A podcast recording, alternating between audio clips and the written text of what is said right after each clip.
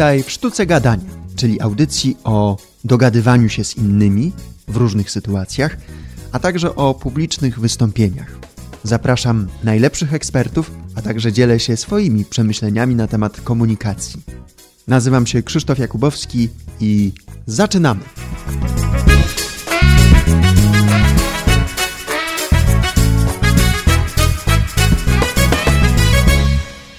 Po wakacyjnej przerwie sztuka gadania wraca. Przekonałem się, jak trudno jest wrócić, wychodząc z tego rytmu co dwutygodniowego.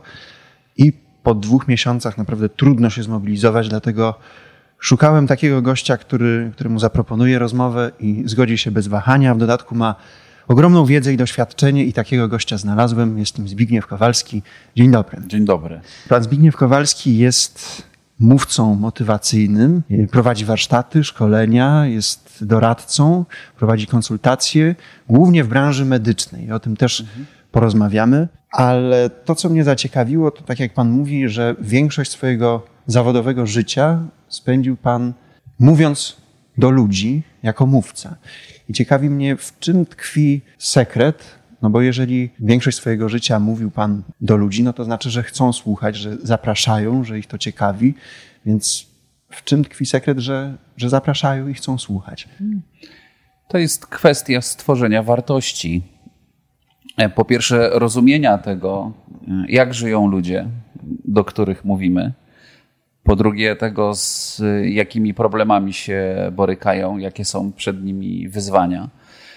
I ja w, koniecznie chcę dodać, że w tym, co mieści się w mojej definicji mówcy motywacyjnego, nie ma ani kawałka przestrzeni dla haseł typu jesteś zwycięzcą, dasz radę, co cię nie zabije, to cię wzmocni i tak dalej. To jest kompletnie nie mój świat. Odkąd Jestem od kilku lat związany z, ze Stowarzyszeniem Profesjonalnych Mówców i, i, jestem też dyrektorem programowym Festiwalu Inspiracji i mam takie cele razem z naszym stowarzyszeniem. My odmieniamy y, festiwal i robimy wszystko, żeby ten festiwal, ja tak przynajmniej działam, tak buduję program, żeby ten festiwal był maksymalnie merytoryczny. Ponieważ y, uważam, że prawdziwa wartość pomiędzy mówcą a audytorium powstaje wtedy, kiedy ludzie ufają mówcy. A zaufanie buduje się poprzez y, po pierwsze to, że rozumiesz mój świat, a po drugie masz coś merytorycznie uzasadnionego do powiedzenia. I to jest mój sposób myślenia o sztuce wystąpień publicznych. Dobrze, że pan to powiedział, bo właśnie mówca motywacyjny, ta zbitka dwóch wyrazów kojarzy mi się, przynajmniej w ostatnich latach, z osobami, które motywują, napędzają innych ludzi, ale nie idzie za tym żadne doświadczenie, żadna wiedza. Tylko tak jak kiedyś ktoś powiedział, że to są takie wydmuszki, mówcy wydmuszki. Wobec tego, jak pan motywuje, żeby rzeczywiście zmotywować ludzi ze sceny? Jak to się robi? Pan, to, to nawet nie jest kwestia, żeby zmotywować ludzi ze sceny. Ja bym powiedział bardziej zainspirować. I najszczerzej na świecie kiedy jestem pytany o wykonywany zawód, to ja o sobie nigdy nie mówię, że jestem mówcą motywacyjnym, ze względu na konotacje, o których Pan powiedział. E, I to jest, to jest pierwsza rzecz. E, druga rzecz, raczej jeśli ktoś mnie pyta, kim jestem z zawodu, to mówię, że jestem wykładowcą. Bo jestem wykładowcą, pracuję na dwóch uczelniach wyższych, ale też jestem wykładowcą komercyjnym. I to jest moje główne źródło utrzymania. E, i, i, i to, czym się zajmuję rzeczywiście na co dzień. Natomiast e, na pytanie, jak e, motywuję, czy tak jak wspomniałem, raczej chyba trafniejsze będzie odpowiedź, jak inspiruje, to ja powiedziałbym, że w nauce i w naukach społecznych, którymi ja się zajmuję, jest bardzo dużo praktycznych podpowiedzi, wskazówek, modeli, kierunków e, działania. Więc moim zdaniem, e, żeby motywować i inspirować ludzi ze sceny, trzeba być bardzo dobrze merytorycznie przygotowanym. I nie ma tu dróg na skróty.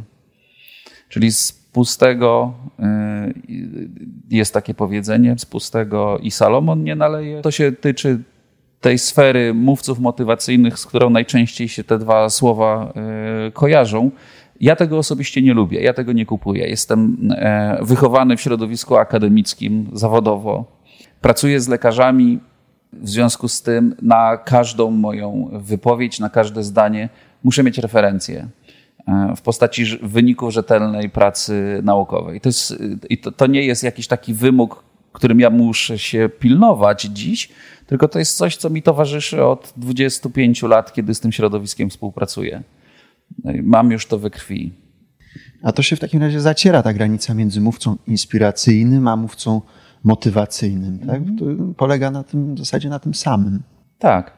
Tak, jeśli się zastanawiamy nad tym, co to jest, a nie do czego tę etykietę przykleić, to tak. Natomiast y, tylko sam siebie przestrzegam i innych przed e, no właśnie pójściem za tą etykietą mówca motywacyjny to człowiek, który staje na scenie i mówi jesteś zwycięzcą. Tak, tak mi się właśnie wydaje, że ta motywacja wzrasta, nawet wchodzi na duże poziomy, ale tylko w momencie, kiedy mówca stoi na scenie, a kiedy zejdzie, to wracamy do tych samych nawyków, tych samych przyzwyczajeń, zachowań mhm. i wszystko po tej motywacji. I tak mi się wydaje, że być może to chodzi o, o to, że właśnie słuchacze chcą poczuć tę motywację, chcą poczuć te emocje i to ma być takie show, a to, co się później z tym stanie, z tą całą motywacją, już jest, ma mniejsze znaczenie. Jest y, spora grupa takich słuchaczy, którzy tego chcą. Nawet y, w, w piśmiennictwie anglosaskim y, używane jest potocznie już i powszechnie sformułowanie seminar junk, czyli tak na, na język polski tłumaczymy to nieładnie ćpuny konferencyjne. Czyli ludzie, którzy żyją od konferencji do konferencji i potrzebują takiego właśnie zastrzyku energii, za to są w stanie zapłacić kilkaset złotych i to oczywiście mija, w związku z tym za kilka tygodni trzeba się pojawić na nowej konferencji i tak dalej, i tak dalej. Ale to kompletnie nie jest e, mój świat. Ja jestem częścią świata naukowego.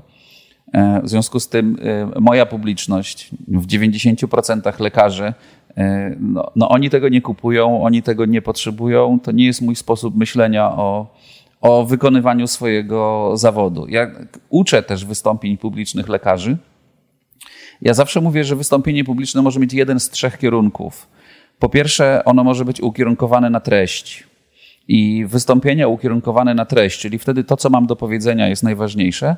E, one są e, mądre, wartościowe merytorycznie, ale są bardzo trudne do odbioru, przez to stają się nudne, w związku z tym też są nieskuteczne. Tak niestety najczęściej jest w świecie nauki. Tak? W, w, w medycynie e, no to jest prawdziwa plaga takich przeładowanych merytorycznie wystąpień, które nie transferują rzeczywistości, nie transferują treści do rzeczywistości słuchacza. I to jest pierwszy kierunek, czyli treść. Drugi kierunek to jest na, na mówcę. Wystąpienie ukierunkowane na mówcę, czyli wtedy mamy do czynienia z show. Wtedy się bardzo dużo dzieje, to się bardzo przyjemnie przeżywa, ale już trzy minuty po wystąpieniu e, człowiek taki jeszcze podekscytowany mówi sobie, no dobrze, ale co to ma ze mną wspólnego? Jakby przeżyłem coś fajnego, ale to już. E, I takie showmeńskie wystąpienia, to to właściwie y, mają, one mają wiele wspólnego z tą pierwotnie przez nas zidentyfikowaną mm, etykietą. No i jedyny słuszny kierunek to jest kierunek trzeci, czyli prezentacje ukierunkowane na słuchaczy. Nie co ja mam mądrego do powiedzenia, nie jaki ja jestem fajny, tylko co ty, drogi słuchaczu, możesz zrobić z tym, o czym ja do ciebie mówię. I w dowolnej dziedzinie życia, w dowolnej dziedzinie nauki w ten sposób należy budować swoje wystąpienie publiczne. E, traktuję to wręcz, osobiście traktuję to wręcz jak religię, tak? czyli jestem do tego niezwykle przywiązany, żeby wyniki badań, którymi się posługuję, żeby modele y, opisane, udowodnione naukowo, transferować do rzeczywistości uczestników, czyli żeby mówić, co z tego wynika dla ciebie, drogi słuchaczu, co ty możesz zrobić. Ja się zajmuję komunikacją medyczną. W związku z tym to jest nauka, która jest w miarę młoda. E, jestem jedną z pierwszych, jeśli nie pierwszą osobą w Polsce, która zaczęła tego uczyć. E, jakieś 21 lat y, temu. Nigdy wcześniej tak wprost nie uczono lekarzy tego, jak rozmawiać e, z pacjentem. E, w związku z tym, ja mam po pierwsze jakiś opór środowiskowy do, do, do pokonania, prawda? No bo mówimy do, lekarzach o, do lekarzy o błędach, które popełniają. Nikt tego nie lubi słuchać, ale zaraz za tym musi iść dobra, praktyczna i rzetelna wiedza, która mówi, jak tych błędów nie popełniać. Co w związku z tym zrobić? Ale czy w tym pańskim podejściu ten świat y, nauki jakoś się spotyka z tym światem show trochę? Czy, czy, to, czy to w jakimś stopniu powinno być show? Jest takie sformułowanie, e, którego autorstwo chyba przypisuje się BBC.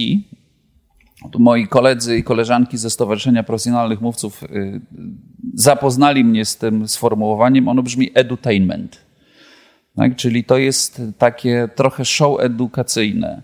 I ja chcę powiedzieć, że jakiś element showmeństwa e, przydaje się w dobrym wystąpieniu publicznym, ale wyłącznie po to, żeby uatrakcyjnić formę i ułatwić przyjęcie treści.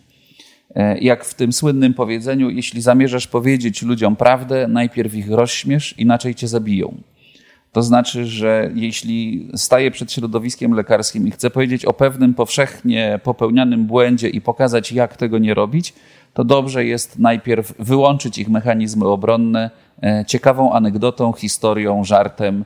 E, no i wtedy oczywiście e, ten element gry scenicznej staje się istotną częścią wystąpienia. Wspomniał Pan o Stowarzyszeniu Profesjonalnych Mówców. Bycie członkiem takiego stowarzyszenia, czy to jest kwestia tylko prestiżowa, czy, czy to się przekłada jakoś na mm, liczbę zaproszeń Pana jako mówcy, czy na stawki, które Pan może y, zaproponować? To jest kwestia, ona, na, z całą pewnością y, mój pomysł na to, żeby przyłączyć się do Stowarzyszenia Profesjonalnych Mówców nie miał nic wspólnego z prestiżem, ponieważ ja y, Przedtem radziłem sobie dokładnie tak samo, jak radzę sobie, będąc e, członkiem czy wiceprezesem Stowarzyszenia Profesjonalnych Mówców. E, jeśli chodzi o stawki, jeśli chodzi o liczbę e, wykonywanych przeze mnie zleceń. Więc to też zupełnie nie o to chodziło. Ja zostałem zaproszony do tego stowarzyszenia przez Roberta Krola, który jest prezesem, i przez mojego serdecznego kolegę Rafała Żaka, który jest e, mówcą, do którego mam dużą słabość i ze względu na jego wyjątkową swadę, z którą się porusza po scenie i e, bliskie mi zamiłowanie do wiedzy popartej wynikami solidnych badań. I dla mnie to jest trochę, powtarzam panu teraz coś, co powiedziałem też w trakcie spotkania, na którym stowarzyszenie decydowało, czy mnie przyjmie, czy nie. Dla mnie to jest trochę E, jak koleżanki i koledzy z firmy. E, czyli dla mnie to ma trochę y, taki element towarzyskości, e, bycia w kontakcie i robienia różnych rzeczy wspólnie z ludźmi, którzy żyją podobnie do tego, jak ja żyję. No bo my w gruncie rzeczy wykonujemy pracę dość samotnie. To znaczy, ja jestem sam sobie sterem, żeglarzem i okrętem. Nie mam firmy, nie mam armii asystentów, asystentek prowadzących moje social media E, prowadzących mój kalendarz. Ja wiem, że są mówcy, e, właśnie ci bardziej motywacyjni, teraz ubieram to w cudzysłów, którzy są zaopatrzeni w armię ludzi pracujących na ich e, wizerunek. No ja zupełnie nie tak myślę o mojej pracy, więc jestem w stowarzyszeniu, bo mam tam koleżanki i kolegów z roboty, tak, z zakładu, jak można by powiedzieć żartobliwie. To, to samo robimy. Jest też taki element misyjny, który jest mi bliski, ponieważ My jako stowarzyszenie e, jesteśmy mocno zainteresowani i działani, żeby krzewić kulturę słowa i, i wysokiej jakości wystąpienia sceniczne. E, mamy w naszym kodeksie kompetencji e, zapisane specjalizacja, czyli mówisz to, mówisz o tym na takie tematy, od których jesteś ekspertem, a nie jesteś mówcą na zamówienie, dajcie mi temat, a ja opowiem. Tak? Czyli specjalizacja, elokwencja i twórczość. To są te trzy kompetencje profesjonalnego mówcy, które staramy się y, propagować, popularyzować y, i rozwijać, zarówno u siebie, jak i u innych ludzi. Czy jest y, wśród członków tego, tego stowarzyszenia jest jakaś rywalizacja między mówcami? Nie sądzę, a przynajmniej ja tego nie odczuwam. Jest czasem. Jeśli są napięcia, to napięcia wtedy, kiedy ktoś, zdaniem koleżanek i kolegów, wykracza poza e, albo jest na granicy kodeksu etyki, tak? bo mamy też wewnętrzny kodeks etyki, którego myślę, że takim najważniejszym e, zapisem, e, którego pilnujemy i gdzie na granicy można się pojawić, będąc mówcą, to jest właśnie trzymanie się swojego tematu. Gdybyśmy zadali sobie pytanie na przykład, psycholog jest specjalistą od czego, prawda? No bo w Stowarzyszeniu Profesjonalnych Mówców jest wielu psychologów. No i teraz psycholog mówca może w jakimś sensie myśleć, że jest specjalistą od wszystkiego, co dotyczy psychiki, czyli i od motywacji, i od zarządzania sobą, i od przywództwa, i od sprzedaży, i od negocjacji, ale wiemy, że tak nie jest, bo wiemy, że stanowisko Polskiego Towarzystwa Psychologicznego jest jasne. Nie można być jednocześnie specjalistą od wszystkich dziedzin psychologii, nie można być jednocześnie psychologiem społecznym i psychologiem biznesu.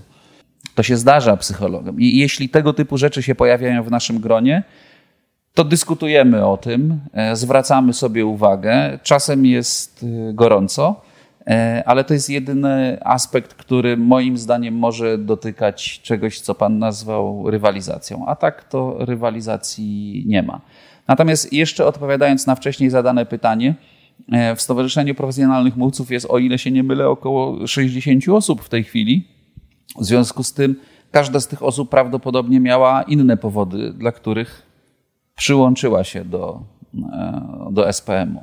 A tak jak pan obserwuje, nie wiem czy pan obserwuje, ale konferencje innych prelegentów, innych mówców, to ma pan jakąś refleksję, jak wygląda w ogóle poziom mówców w Polsce? Niekoniecznie mówię o akurat o członkach stowarzyszenia, bo tak. pewnie to jest górna półka, ale jakie są może błędy, jakie są mocne strony polskich mówców? O, ja nie wiem, czy ja się czuję komfortowo w, w roli recenzenta. E, natomiast, y, znaczy, po pierwsze, y, najszczerzej na świecie, jakby mnie pan zapytał, czy ja jestem częścią środowiska mówców motywacyjnych, to moja odpowiedź bez zastanowienia brzmi nie. E, raczej wykładowców y, medycznych. To tutaj bez zastanowienia powiedziałbym tak. Ale owszem, obserwuję ten rynek z racji mojej działalności e, SPM-owej i z racji tego, że mnie to też interesuje. I chcę powiedzieć, że, w, y, że mamy w Polsce wielu mówców y, naprawdę świetnych na, na światowym poziomie. Ja występuję na konferencjach medycznych na całym świecie, wykładam też na uczelni za granicą, e, więc mogę porównywać poziomy mówców y, w różnych krajach. I ci nasi najlepsi w niczym nie są słabsi od najlepszych gdziekolwiek na świecie. Oprócz tego, że stawki mamy znacznie niższe niż ci najlepsi na świecie. Ale to wynika z tego, że po pierwsze, co to znaczy być wybitnym mówcą w skali światowej? To znaczy mieć e, w swoim portfolio przynajmniej jeden bestseller, czyli książkę, którą naprawdę czytają ludzie na całym świecie. Nie ma żadnej polskiej książki, która jest bestsellerem w skali światowej.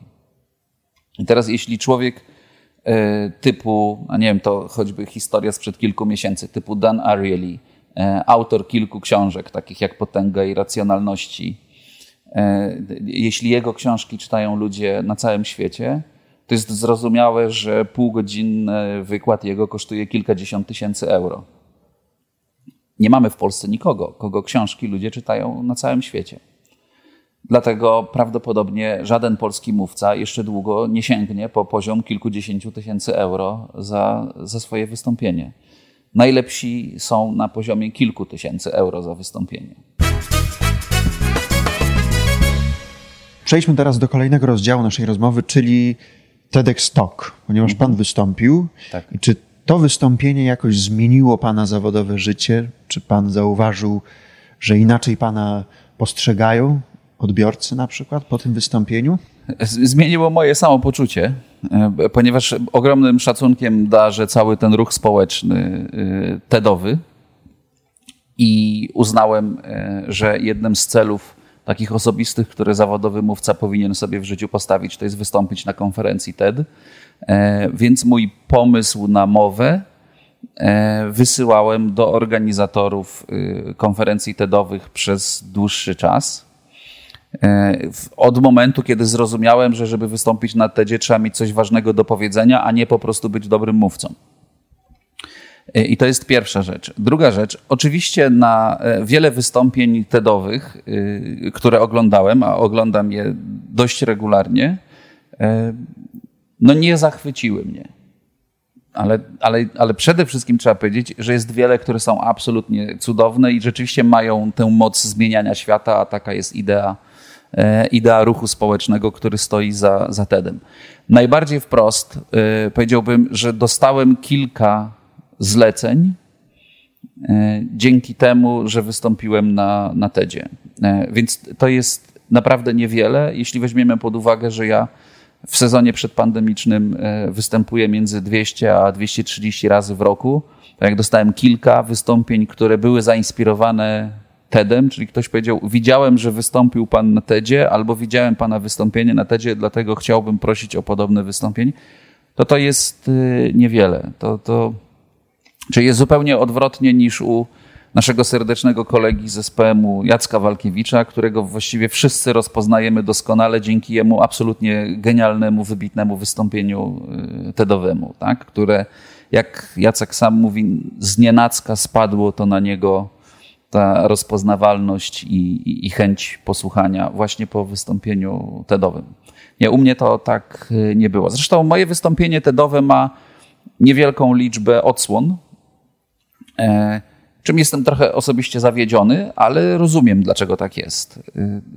Y, tak sobie tłumaczę. Y, czy mogę się mylić? Ja myślę, że to wystąpienie jest niezłe, natomiast y, temat, i zrozumiałem to w dniu, w którym odbywał się TED, na którym występowałem, że ten temat może ludzi specjalnie nie interesować albo być bolesny. Tak? No bo ja mówię o tym, że przełom w medycynie zależy od pacjentów, od każdego z nas że medycyna będzie tym skuteczniejsza, im bardziej my sami się do tego przyłożymy. No to popatrzmy na to, co się dzieje teraz w sytuacji pandemicznej.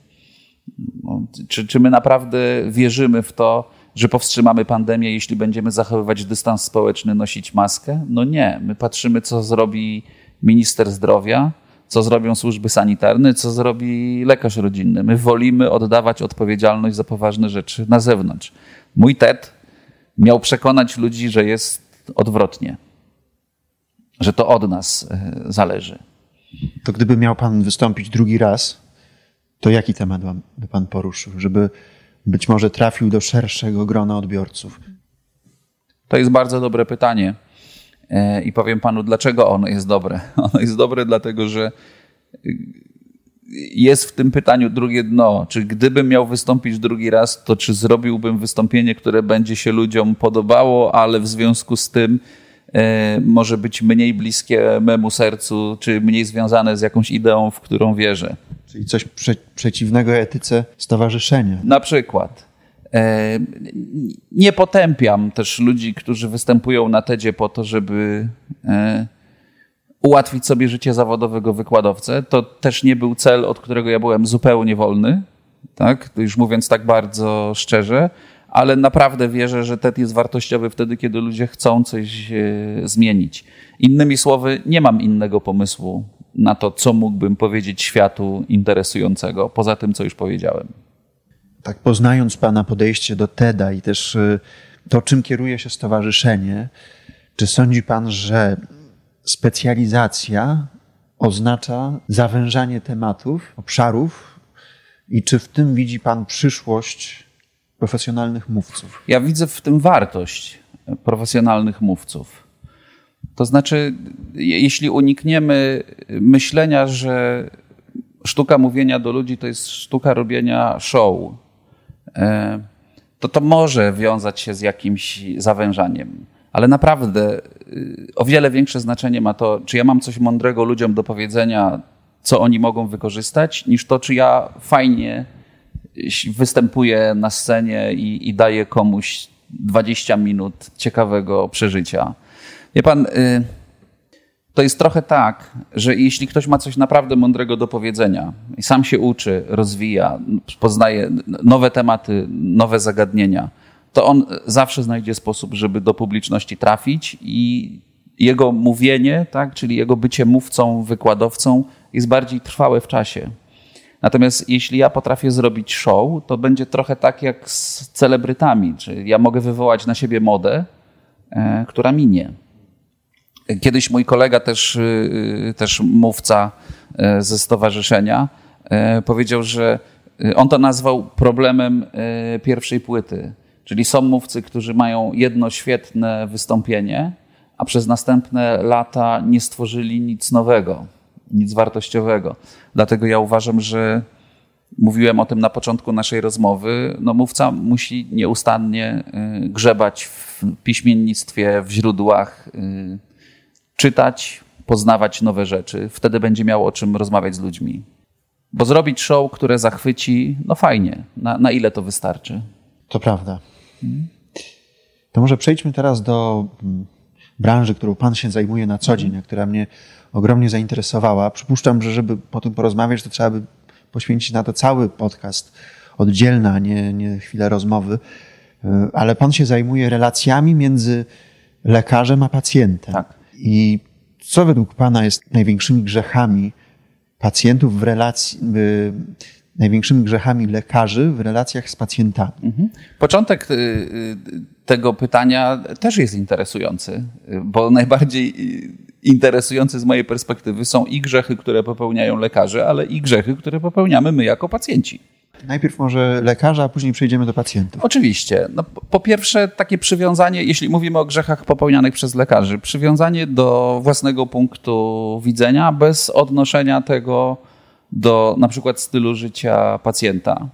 E, przywiązanie do posługiwania się slangiem medycznym, choć ten grzech jest istotny, ale nie jest e, największy. Brak zdolności zobaczenia perspektywy drugiego człowieka. Znaczy, jeśli ja jako lekarz mówię, że po prostu musi pan brać te leki, bo ja uważam, że one panu pomogą, a pan e, ma tysiąc przeszkód, żeby tych leków jednak nie brać, tysiąc powodów, albo nie stać pana na to, żeby je wykupić, a wstydzi się pan o tym powiedzieć. Albo jeszcze bardziej prozaicznie, te tabletki są tak wielkie, że nie jest pan w stanie tego normalnie przełknąć. E, albo pory, w których powinien pan przyjmować leki, są tak niedopasowane do pana stylu życia, że po prostu pan o tym nie jest w stanie pamiętać i ciągle pan zapomina. E, a lekarz się tym nie interesuje. Powiedziałem, że ma pan przyjmować i koniec. E, no to to jest grzech. To jest grzech. Hmm. Natomiast y, największym wyzwaniem dla lekarzy jest to, że, i tu wracam trochę do mojego TEDa, większość zaleceń terapeutycznych dotyczy jednak zmiany w stylu życia, a nie samego przyjmowania leków. A zmiany w stylu życia są nieporównywalnie większym wyzwaniem dla nas, pacjentów, niż po prostu przyjmowanie leków. I do tego trzeba być też trochę psychologiem, będąc lekarzem, żeby wiedzieć, jak kogoś zachęcić do tego, żeby rzucił palenie, schudł, nauczył się obsługiwać inhalator, czy robić mnóstwo innych rzeczy, które trzeba robić, będąc pacjentem. No właśnie, to mnie zawsze zastanawiało, że w zasadzie nigdy u lekarza nie usłyszałem, że mam uprawiać więcej sportu i jaki to mógłby być sport e, w moim przypadku. Czy to, czy to powinna być rola lekarza, żeby mówił takie rzeczy, że powinien pan się więcej ruszać, czy, czy nie? Tak, nie, nie tymi słowy, bo bliższy byłbym sformułowaniem, sformułowaniem typu z całą pewnością więcej ruchu przyniosłoby korzyści niż sformułowaniu typu powinien pan się więcej ruszać. Ale, a, jeż, a najlepiej byłoby, gdyby lekarz powiedział z, y, z tego co wiemy, ruch także byłby dobrym lekarstwem. Czy ma pan jakiś pomysł na to, co mógłby pan zrobić, żeby się więcej ruszać? Y, to, to, to się nazywa w piśmiennictwie medycznym concordance, czyli współodpowiedzialność lekarza i pacjenta za osiąganie efektu terapeutycznego. I to jest coś, czego uczę lekarzy, a to jest też coś, czego moim TEDem na przykład starałem się uczyć y, y, pacjentów. To jest, to jest trochę tak, że w Polsce jest 140 tysięcy lekarzy. Ja miałem możliwość dotarcia z moimi wykładami do grupy ponad 60 tysięcy lekarzy. Tak? Czyli niemal co drugi polski lekarz gdzieś na moim wykładzie był, a wielu było wiele razy. Natomiast lekarze zawsze mi mówili, wie pan co, dobrze by było, gdyby pan jeszcze to samo pacjentom powiedział. Ja mówię, no tak, ale pacjentów jest 38 milionów, ale TED jest taką przestrzenią, którą, y, to była jedna z inspiracji. mówię, no dobrze, no to powiem pacjentom, wystąpię na TEDzie. Ale prawie nikt tego nie ogląda. No jeszcze tak mi przyszło do głowy, bo ostatnio czytałem biografię Steve'a Jobsa, mhm. no i on zachorował na nowotwór i tam było taki, taki wątek, że te wszystkie kuracje były nieskuteczne do momentu, kiedy lekarze z różnych dziedzin zebrali się, no miał akurat taką możliwość, bo, tak. bo mógł ich opłacić, zebrali się, podjęli dyskusję wspólnie i wspólnie wypracowali jakąś metodę tak. odpowiednią do niego. Czy, czy tak też może mogłoby być, że lekarze by jakoś mhm. współdziałali w tym mhm. leczeniu? To jest jeden z, z, z tematów, y, który poruszam w moich wykładach też. Y, czyli wszystkie rzeczy z zakresu kompetencji miękkich, które są oczywiste na przykład dla ludzi pracujących w korporacjach, one nie są oczywiste dla ludzi zajmujących się medycyną, takich jak współpraca w zespole, y, takich jak nawet zarządzanie e, zespołem, tak? czyli taki ordynator w oddziale albo szef kliniki, to nie wiem, czy pan wie i nie wiem, czy nie wystraszymy za bardzo wszystkich pacjentów, ale to są ludzie, którzy zwykle przy całej swojej ogromnej wiedzy i doświadczeniu nie spędzili ani jednego dnia na uczeniu się tego, co to znaczy być szefem. W związku z tym są takim szefem, jakim był ich szef tylko i, i, co im, i co ich zdaniem warto robić, będąc y, szefem. A myślę, że nikogo nie trzeba przekonywać, jaki wpływ na efektywność i satysfakcję z pracy ma jakość przywództwa, której dotykamy y, na co dzień, prawda? Więc ja bym powiedział, że y, ten rozwój kompetencji miękkich w środowisku medycznym, ukierunkowanych na przykład na większe nastawienie na współpracę, wymianę doświadczeń, wymianę myśli i idei, z całą pewnością dawałby y, lepsze efekty terapeutyczne. Natomiast to wymaga też, i na tym koniecznie musimy zakończyć, bo wszystkie moje y, spotkania z lekarzami też w tym kierunku zmierzają, że to wymaga zmian w systemie ochrony zdrowia. A tymi się już nie chcę zajmować, bo ja już trochę czuję beznadzieję, jak mówimy o doskonałościach Właśnie. bądź niedoskonałościach systemu ochrony zdrowia. No ale przyszło mi do głowy takie pytanie, czy te grzechy wynikają z tego, że, że nie ma takich przedmiotów na uczelni, na uczelniach medycznych, czy to, że lekarze się nie dokształcają w trakcie swojej no, kariery zawodowej? Lekarze y, są y, tą grupą zawodową, która jak żadna inna dokształca się w ramach swojej kariery zawodowej e, do końca życia swojego zawodowego. Lekarze naprawdę mnóstwo uczestniczą w warsztatach, szkoleniach, konferencjach, kongresach itd. Tak Natomiast nie dokształcają się z, szeroko z tych kompetencji miękkich. I to jest jedna rzecz, którą ja robię. My mamy takie środowisko ludzi zajmujących się komunikacją medyczną w Polsce. To jest, e, powiedziałbym tak, kilkanaście osób. Tak? W sumie jest może poniżej 100 osób, które cokolwiek w tej dziedzinie robią, ale kilkanaście, które robią głównie to albo tylko to. Mamy towarzystwo naukowe. E, doprowadziliśmy do tego, że komunikacja medyczna jest przedmiotem nauczania na wyższych uczelniach medycznych. E, a teraz jeszcze dużo pracy przed nami, żeby była ważnym przedmiotem nauczania na uczelniach medycznych. Zrobię maleńki przecinek, bo znowu zgasło mi cygaro. A jeżeli chodzi o pacjentów, jakie są grzechy pacjentów w relacji ze swoim lekarzem? Największe to jest, największym grzechem jest y, oddawanie odpowiedzialności za wszystko lekarzowi. Mm, jest y, wiara i nadzieja w cudowną pigułkę. Niech pan popatrzy na y, reklamy suplementów diety, które mają za nas wszystko załatwiać. Są reklamy, których ja nie jestem w stanie znieść, które mówią, że ależ możesz obiadać się sernikiem, ale, ależ możesz jeść golonkę. Wystarczy, że weźmiesz tę tabletkę, ona wybacza wszystkie grzechy. A jeszcze przy okazji schudniesz. A jeszcze przy okazji dodatkowo. Tak, coś się wydarzy. W związku z tym e, te skonstruowane w ten sposób reklamy nie są wynikiem głupoty kogoś, kto tę reklamę tak sobie wymyślił, tylko ktoś tę reklamę tak sobie wymyślił, bo wie, że ludzie tego chcą. To są najpoważniejsze grzechy nas, e, pacjentów. I w ogóle z perspektywy komunikacyjnej, teraz już bardziej niż takiej biomedycznej, ja bym powiedział, że i po jednej, i po drugiej stronie tej relacji mm, coś, co moglibyśmy nazwać grzechem, też jest E, zbyt rywalizacyjne nastawienie, e, zbyt duże oczekiwania nawzajem e, wobec siebie. To zresztą jest potwierdzone też bardzo ciekawymi badaniami z całego świata, że przeciętny pacjent wymaga od lekarza, oczekuje od lekarza rzeczy, których ten nie jest w stanie zrobić, tak jak przeciętny lekarz oczekuje od pacjenta rzeczy, których on nie jest w stanie zrobić. A jak się zachowujemy w życiu, jak nie dostajemy tego, czego oczekujemy, no zaczynamy tupać nogą, kłócić się, prawda, wymagać, obrażać. I tak często wyglądają spotkania lekarz-pacjent. Ja się spotkałem ostatnio z opinią, nie wiem czy pan ją podziela, że, że wielu Polaków y, bierze tabletki, bierze leki, w ogóle nie czytając recepty, no i stwierdzając później, że, że ten lek nie działa, sięgając po mocniejszy, no bo nie działa. To się może zdarzać i to może być dość e, powszechne. Oczywiście, że tak. Ten problem samoleczenia jest dość poważnym problemem, ale, y, ale większym jest to, że połowa pacjentów, którym lekarz zapisał jakieś leki, ich nie przyjmuje. Co drugi pacjent nie stosuje się do zaleceń terapeutycznych. Tak jest na całym świecie. Co drugi z nas.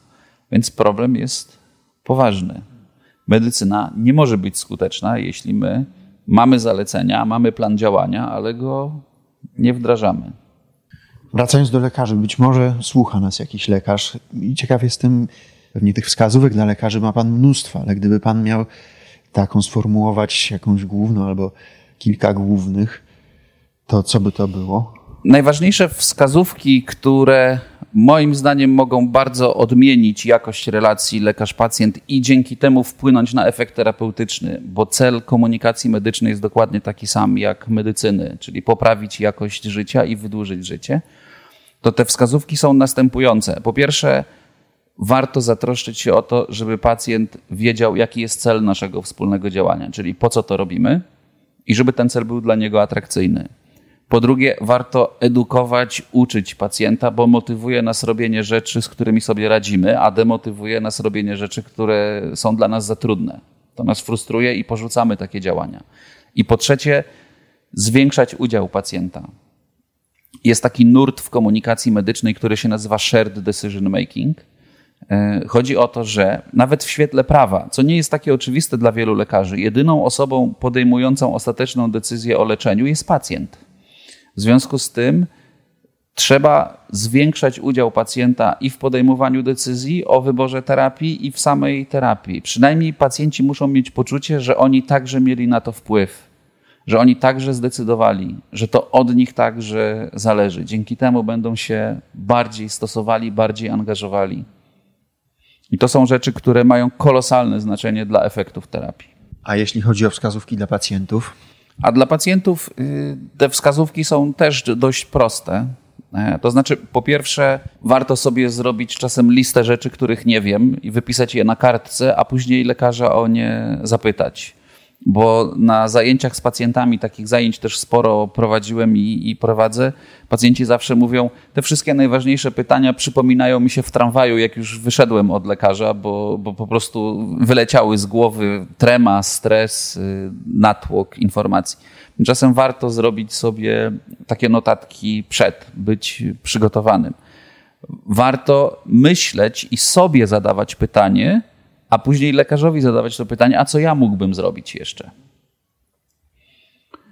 Żeby też się samemu w to y, angażować. I warto unikać takiego rywalizacyjnego nastawienia. Tak? Jedno z zachowań y, współcześnie dość popularnych, które bardzo irytuje lekarzy, to jest to, jak pacjent przy, przynosi wydruki z internetu i mówi: Panie doktorze, ja już wszystko wiem, co mi jest, proszę bardzo, tu przeczytałem. Dlaczego? Y, to jest trudna sytuacja. Ona jest trudna, dlatego że lekarze to traktują jako podważanie ich autorytetu. Jak... Y, wcale tak nie musi być. Ja lekarzom też mówię, ale posłuchajcie, popatrzcie na to od tej strony. Ten pacjent się zaangażował. On poświęcił swój czas, wykonał jakąś pracę, on się chciał czegoś dowiedzieć. Nie traktujcie tego jako atak na siebie.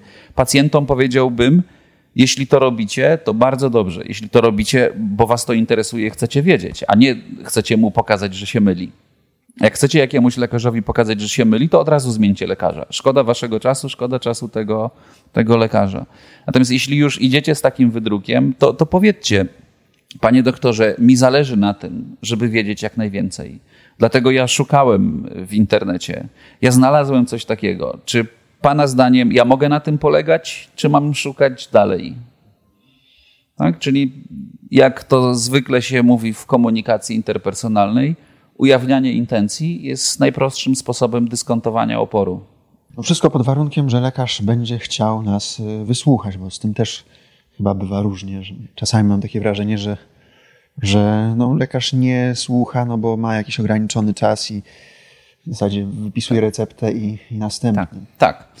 To się zdarza. E, to się zdarza bardzo często. To się zdarza zdecydowanie za często. Jest kilka powodów.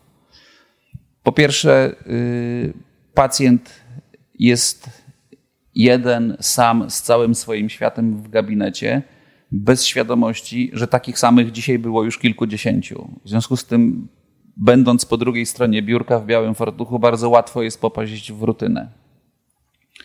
Po drugie, e, lekarze mają zdecydowanie za mało czasu na rozmowę z pacjentem.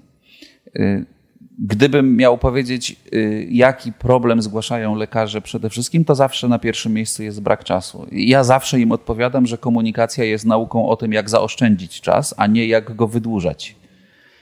Tak, że im mniej mamy czasu, tym lepsi musimy być w komunikowaniu się. Czyli jakbyśmy tego czasu mieli bez ograniczeń, to wtedy jakoś się zawsze y, dogadamy. Więc to jest też taki paradoks, z którego lekarze nie zdają sobie sprawy. Ale y, ponieważ mówimy trochę o naprawianiu świata, to ja mógłbym powiedzieć z pełną odpowiedzialnością, y, jeśli chodzi o lekarzy, to my ten świat prędzej czy później naprawimy, bo tak jak wspomniałem, ich jest tylko 140 tysięcy. Jak będziemy dalej pracować tak jak pracujemy, to to zmienimy. A przynajmniej w, usprawnimy. Z pacjentami będzie trudniej. Do 38 milionów pacjentów nie dotrzemy. Mam pewien pomysł, jak, jak to zrobić, ale to się podzielę z Panem po, po nagraniu. Bardzo dziękuję za tę rozmowę. Zawsze, ja dziękuję serdecznie. Zawsze na koniec wyrażam taką nadzieję, że jeszcze się spotkamy i jakiś temat jeszcze uda nam się rozwinąć i tego nam życzę. Dziękuję. Dziękuję uprzejmie. Bardzo Ci dziękuję, że wysłuchałeś do końca tego odcinka. Jeśli chciałbyś wesprzeć moje działania i pomóc mi tworzyć kolejne odcinki, to zasubskrybuj Sztukę Gadania w swojej aplikacji, w jakimkolwiek serwisie, z którego słuchasz. Dołącz do facebookowej grupy podcast Sztuka Gadania lub wesprzyj mnie w serwisie Patronite, wchodząc na stronę www.patronite.pl ukośnik Jakubowski. Dzięki Tobie ta audycja będzie powstawała i będzie coraz lepsza. Do usłyszenia w kolejnym odcinku.